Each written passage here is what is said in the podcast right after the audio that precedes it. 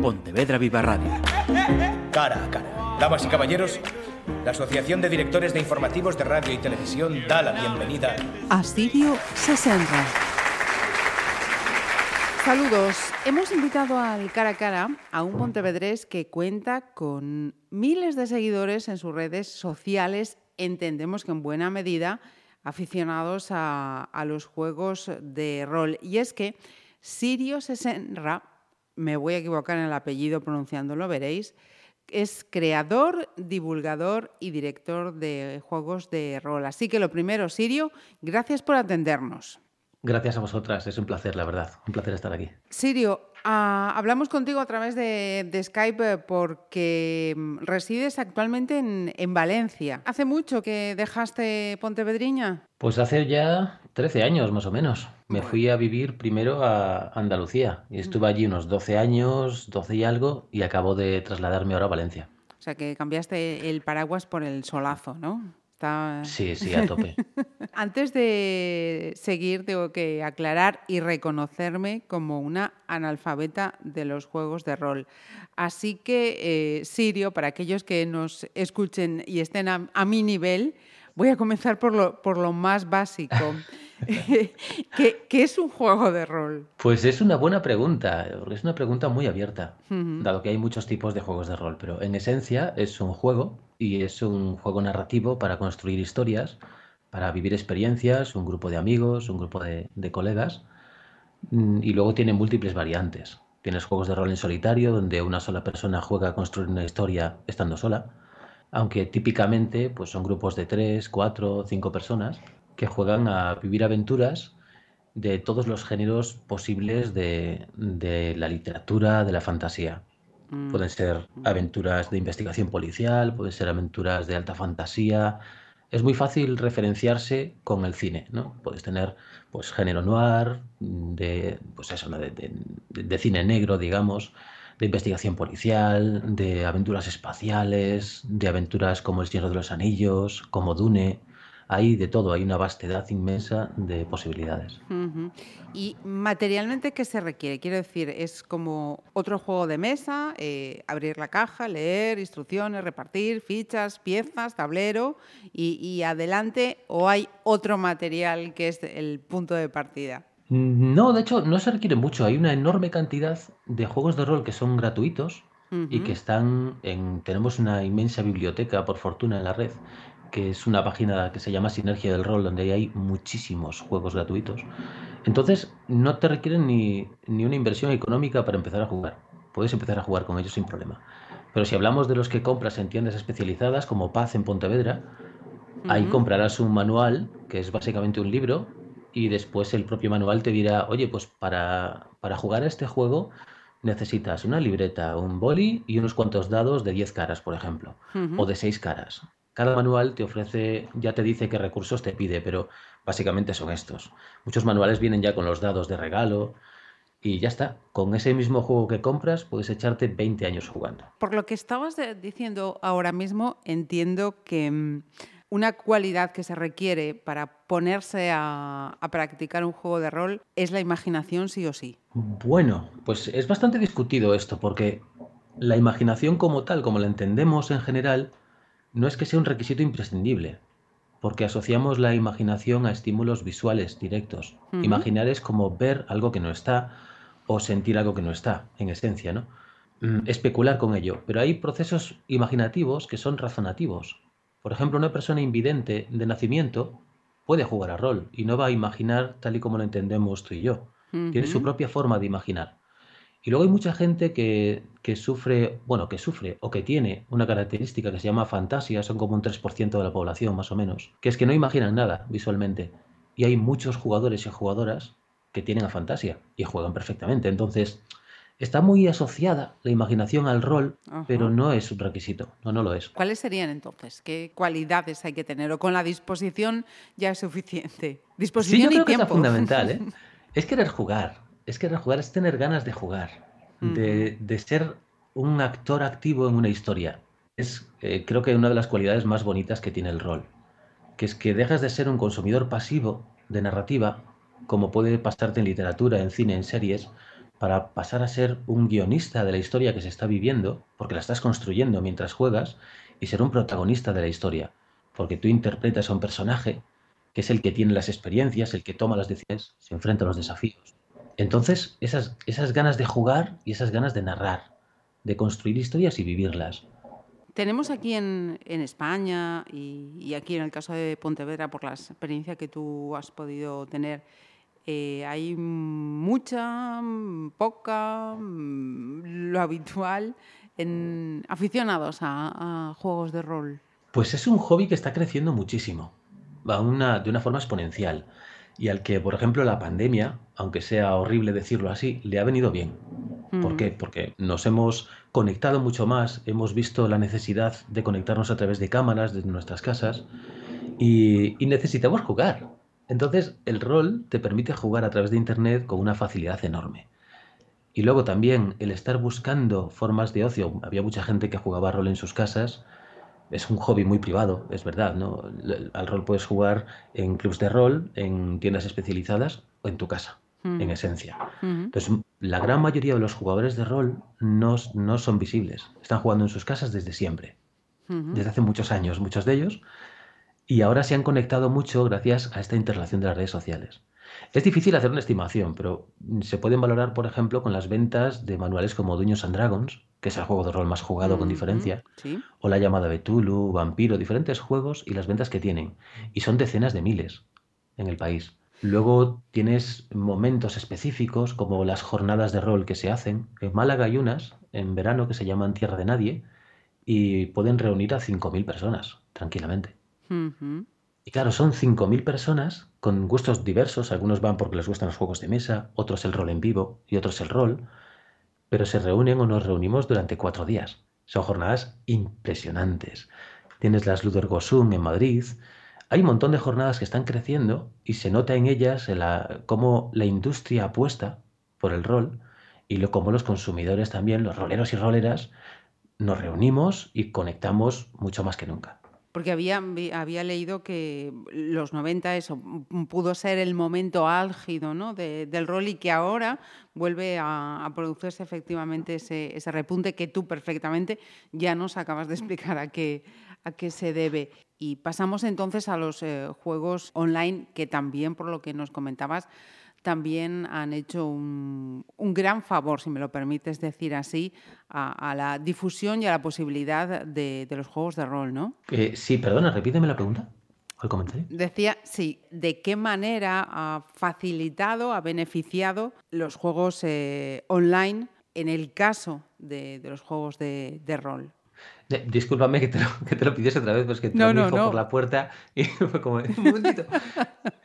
Vale, yo creo que eh, una de las cosas hermosas que tiene el rol online, tiene varias, ¿no? a mí como, como participante, como jugador, hay algo maravilloso, que es que puedes jugar partidas y luego puedes verte cómo has jugado.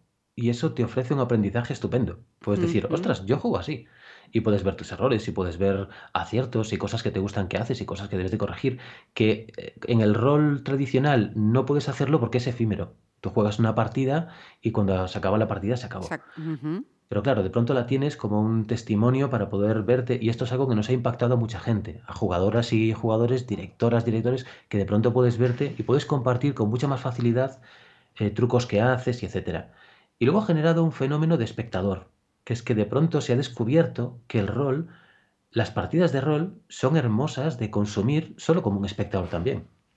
Cuando el rol es típicamente activo, tú participas en el rol. Pero claro, en España venimos con retraso, digamos. Hay, hay un show en Estados Unidos que es Critical Role, que tiene millones de seguidores, millones y millones de seguidores de partidas de rol que se juegan en directo. Y claro, esto en España pues no podemos replicarlo porque no tenemos tanto músculo, tanta fuerza, no hay tanta gente que le guste. Pero aún así, pues eh, te pongo como ejemplo, ayer jugué una partida con Lins Reviever, que es uno de los grandes difusores del rol por cantidad también de seguidores, tiene cientos de miles, y nos estaban viendo 900 personas en directo, que son muchas personas, son un montón. Sus partidas a posterior igual la ven 25.000 personas, y es, es increíble. Pasa lo mismo con Rea. Rea tiene un canal de YouTube y sus partidas de rol las siguen cientos de miles de personas.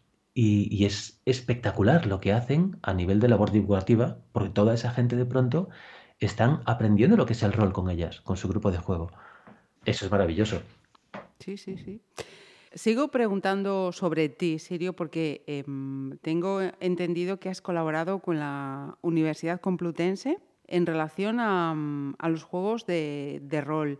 ¿Nos, explicas, por favor, en qué, en qué ha consistido, en qué consiste esa, esa colaboración? Fue con la Rey Juan Carlos. Ah, vale, muy bien. Tengo el dato eh. yo perfecto entonces, perdón.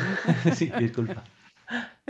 Genial, pues dime, dime. Colaboré de dos formas. Me han pedido una serie de vídeos en mi canal de YouTube para utilizar la historia. A mí me gusta mucho la historia y me gusta emplearla en mis partidas, tanto la historia como los acontecimientos comunes. ¿no? Somos, solemos atribuir a la historia el pasado remoto, el pasado, pero bueno, el presente es, cuestión de días que sea historia entonces. Pero me pidieron una serie de vídeos para utilizar elementos interesantes que me pareciese de la historia y ofrecérselos a, la comunidad de rol como semillas para construir, para fomentar que la gente utilice la historia como vivero para construir las aventuras de rol. Y luego, por otra parte, me pidieron que escribiese un par de aventuras para, publicarlos ellos y utilizarlos dentro pues, de, sus tareas pedagógicas en la universidad. Vamos a ver entonces, eh, estamos hablando de introducir o, seguir trabajando con las técnicas gamificadas o la gamificación en, en, el ámbito educativo, ¿no? Introducir el aspecto más lúdico para aprender. Claro, por supuesto. Eso ya lo hacen ellos que son los profesionales, ¿no? Eso yo sería incapaz de hacerlo.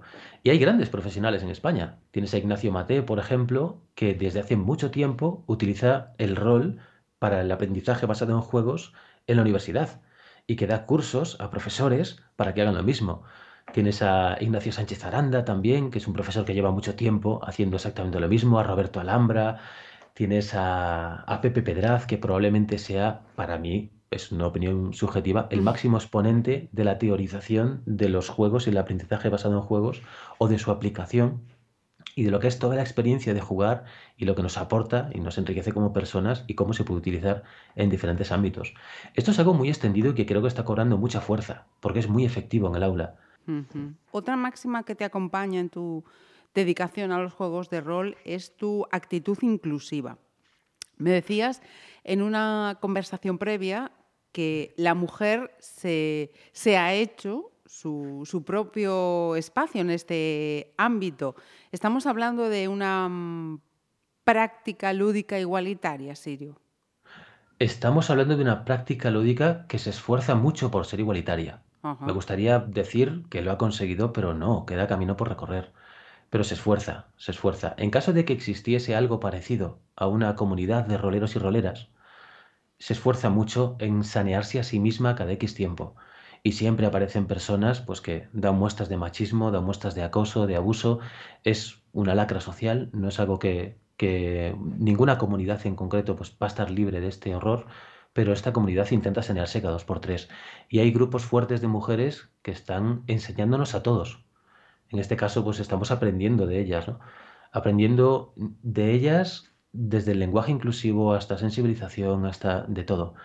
Y, bueno, es un, creo, desde mi poca perspectiva, que el cambio es tremendo. Desde los últimos 10 años para acá, en mí como persona el cambio ha sido tremendo. O sea, y, me ha hecho jugar más feliz, más tranquilo, más sereno y, más seguro también. Y sí, aparte, creo que lo que percibo es que la mujer está reivindicando un espacio que siempre ha tenido, pero no se le ha reconocido, en todos los papeles, como directoras de juego, como escritoras, como editoras de libros, en, cada uno de los puestos de la industria, siempre han estado ahí, pero han estado como sin, sin llamar la atención, sin estar en primer plano, y, ahora ya están diciendo, eh, gente, siempre hemos estado aquí. Mm. Claro, no tenéis que hacernos un hueco, siempre hemos estado aquí. Lo que tenéis es que no, no tener comportamientos de mierda para que nos, vayamos a buscar espacios seguros. Eh, también quería tratar otro aspecto, Sirio. Convivimos con una generación, o, con más de una generación ya, los que tenemos ya una edad, que ansía, eh, busca, quiere ser eh, influencer, TikToker, Instagramer, YouTuber, gamer. ¿Se puede vivir de ser creador, divulgador, jugador de juegos de rol? En Estados Unidos probablemente. En inglés, en el idioma inglés, en francés probablemente, porque allí hay comunidades muy fuertes que te respaldan con este sistema de mecenazgo que tienen las redes sociales, ¿no? Sea a través de suscripciones en Twitch o con Patreons o con diferentes formas de, financiación. En España es complicado, al menos desde el punto de vista del, stream, que solamente haga eso. A la gente que conozco, que lo toma como forma de vida, tienen un archipiélago de cosas que son pequeñas fuentes de ingresos. Y, y dentro de ese archipiélago, pues igual dedican varias islas a los juegos de rol. Pero claro, es aislado no pueden vivir solo de ello. Pueden representar fuentes de ingresos, pero pequeñas, comparadas con el conjunto. Igual, pues gana más haciendo streamer de un juego como Pokémon y, o Minecraft. Bueno, pues es, es razonable. Solo el rol no.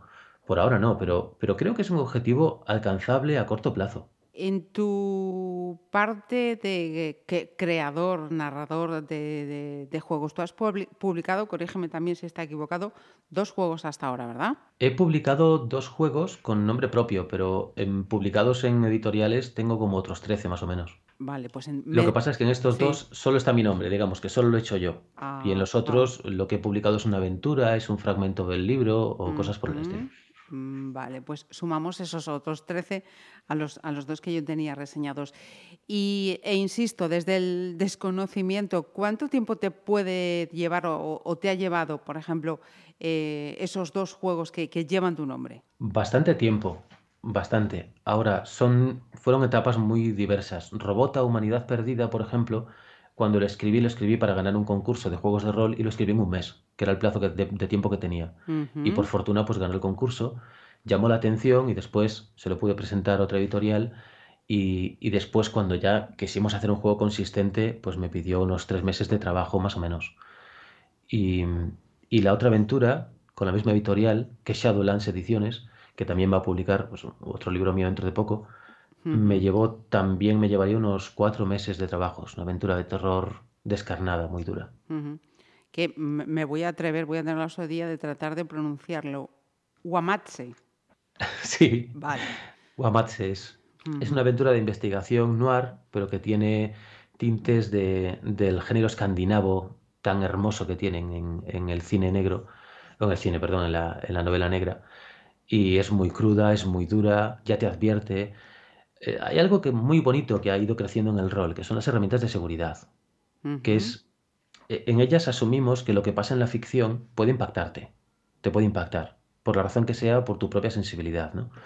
Y es la clase de aventuras que te tiene que advertir. Te dice, oye, esta es una aventura muy dura, hay escenas muy duras, eh, prepárate si quieres jugar, advierte a los jugadores, igual no es una aventura que les guste, que les agrade, y creo que es algo que es tan bonito que se haya extendido en los juegos de rol tan bonito. Además, con una amplia variedad de herramientas diferentes para que cada grupo de juego pues elija la que mejor le valga, ¿no? Quien esté escuchando, pues por ejemplo, adultos que tengan eh, niños que quieren introducirlos en el rol, ¿tú recomendarías una edad a partir de la cual iniciarse en los juegos de rol, Sirio? Pues desde muy pequeñitos. Hay juegos fantásticos como Pequeños Detectives de Monstruos, de No Solo Rol, o Magisa, que es un viaje increíble por, un mundo de fantasía. y, estos libros están recomendados ya para niños de 6 años. Ah. Algunos, por ejemplo, en Pequeños Detectives de Monstruos, quiero recordar que uno de los dos eh, de la pareja que lo escribió es pedagogo infantil. Pero bueno, igual es un dato que, que es muy osado decirlo. Estoy así a vuela pluma soltándolo. Y, están creciendo cada vez más también libros orientados a los peques. Y eso es como, eh, claro, están deseando jugar a rol. Ya lo hacen. Es lo que han hecho siempre, ¿no? Cuando eres pequeñito. Entonces, lo que haces es darle tres o cuatro reglas más para poder construir una historia con orden. Al final, gran parte de esto es tú estás construyendo narrativa y la narrativa tiene estructura siempre. Tiene un arco dramático, tiene un arco en la historia y tiene pues tienes una estructura en tres actos, en cinco, en siete, en nueve. Y esto, el sistema de juego te lo, te lo facilita para que se construya la aventura. Y con los peques salen aventuras alucinantes. Lo mencionabas hace, hace poquito y os avanzo, os digo, os informo, por si no, no sabéis y os interesa. Este diciembre está en preventa el libro Técnicas, consejos y trucos para jugar a rol. ¿Para quién está pensado? ¿Para iniciados? ¿Para experimentados? ¿Sirio? ¿Dónde se adquiere? ¿Dónde se puede ir pre ¿Comprando? Pues se podrá precomprar ya desde esto, desde el 3 de diciembre, en la página web de Shadowlands Ediciones, que es la editorial que saca el libro, y que aparte pues tiene un catálogo inmenso, en cuanto ya alguien entre podrá ver que tiene una variedad brutal de, opciones de rol.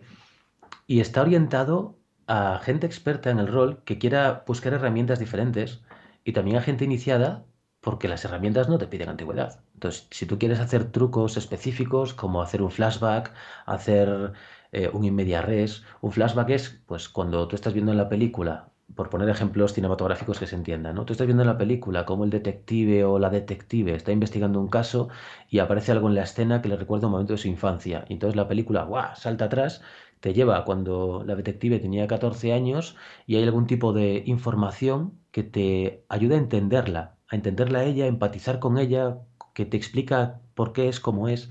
Bueno, esto es un flashback, en el rol se puede ejecutar exactamente igual y haces saltos atrás, saltos adelante en el tiempo para poder explorar a los personajes con facilidad. Hay técnicas descriptivas para, pues cuando e, en el rol, también típicamente, lo más habitual es que el grupo de juego se reparta en un director de juego y un grupo de jugadores. El director o directora de juego gestiona la descripción del mundo, los acontecimientos, desarrolla la historia, o más bien desarrolla una proposición de historia, una propuesta. Interpreta a todos los personajes que no son los protagonistas. Y luego tienes a los protagonistas, que son pues, el grupo de personas que se van a dedicar a resolver el caso de investigación, a vivir la aventura épica, pues que pueden ser eh, pues, Trancos, Frodo, eh, etcétera, ¿no? El grupo de la comunidad del anillo, por poner un ejemplo de, de Siendo de los Anillos.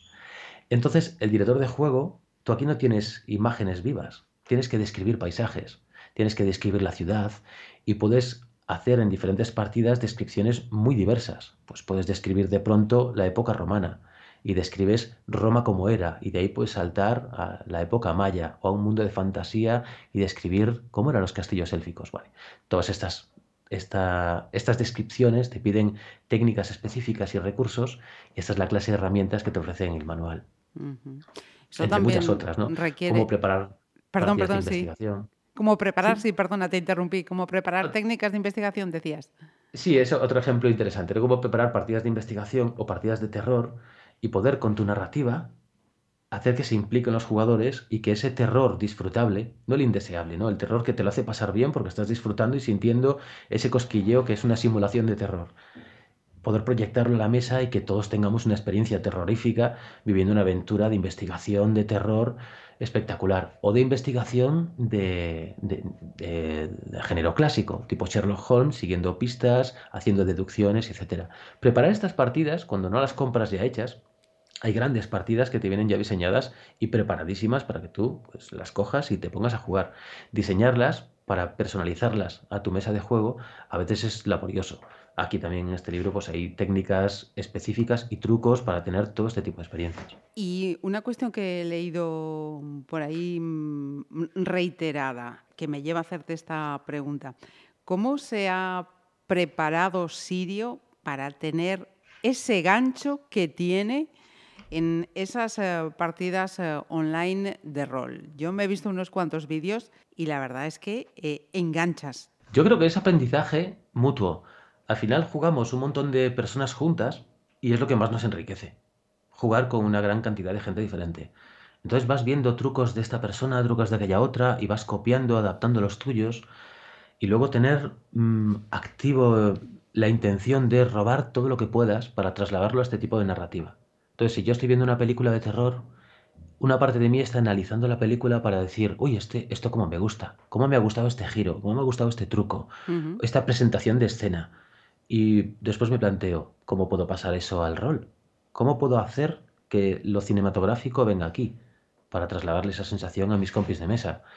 Y luego ves cómo lo hacen otros. Eso es una maravilla del rol online, porque puedes ver cómo gente, pues como, no sé, Seregras, que tiene un canal, se llama Ronald Badin, Víctor Romero, que es un gallego y editor, que es un alucine de persona, y, y, desde Ares está construyendo una editorial increíble que se llama The Hills Press, trayendo unos manuales roleros brutales. ¿Y, cómo lo hace él? Entonces puedes copiar, en esencia. Copiar, probar y disfrutar. De todo esto, si no te gusta y si no lo disfrutas tú en primera persona, eh, pues... Malamente lo vas a transmitir. efectivamente. Pues eh, os repito, técnicas, consejos y trucos para jugar a rol. Lo vamos a, vincular y si queréis eh, seguirle en su canal de YouTube, su blog, Las Semillas de Cao Cao. Lo vamos a poner muy fácil porque todo va a ir, va a ir vinculado y agradecerle a, Sirio que nos haya permitido robarle este tiempo para mantener esta charla. Muchísimas gracias, Sirio. Muchas gracias a ti. ¿Puedo decir una última cosa? Por favor, por favor. Pues mira, quiero decir que en el ámbito gallego tenemos muchísima fuerza. Hay una, hay una mujer que se llama Laura Organa que ha ganado el premio Ignotus de, premio Pórtico de la Asociación Española de Fantasía y Ciencia Ficción al mejor juego de rol. Lo ha ganado este año y lo ha ganado ella, con un juego que, por cierto, es maravilloso para peques, que se llama Los Secretos del Mundo Mágico. Y, y me quedé con ganas de decirlo porque antes hablando del ropa peques era como, ay. Y también mm. subrayar que desde Ares Víctor Romero, que es como está siendo un abanderado gallego del rol. Con la, con la editorial que ha sacado, es fantástica la cantidad de manuales que está haciendo, que está sacando y trayéndonos desde el extranjero y visibilizando el rol español, sacándolo fuera, al mercado inglés. Entonces es como, eh, en Galicia tenemos un rol súper potente. Pues nos quedamos con, con esa máxima y también os los vincularemos para que los vayáis descubriendo, si como yo estáis eh, también escuchando hablar de ellos por, por, primera vez, que seguro que no. Yo seré la, la, última, de, la última de clase en esta, en esta ocasión. Sirio, insisto, muchísimas eh, gracias y que vaya todo fenomenal. Muchísimas gracias a ti por esta oportunidad para compartir un poco con la gente la maravilla que son los juegos de rol. Pontevedra Viva Radio. ¿Me permiten que les haga un comentario como espectadores del programa Cara a Cara? Según un reciente sondeo de mercado, Ustedes disponen de estudios e inteligencias superiores a la media. Sus intereses abarcan desde la actualidad mundial y la ciencia hasta el deporte y los espectáculos.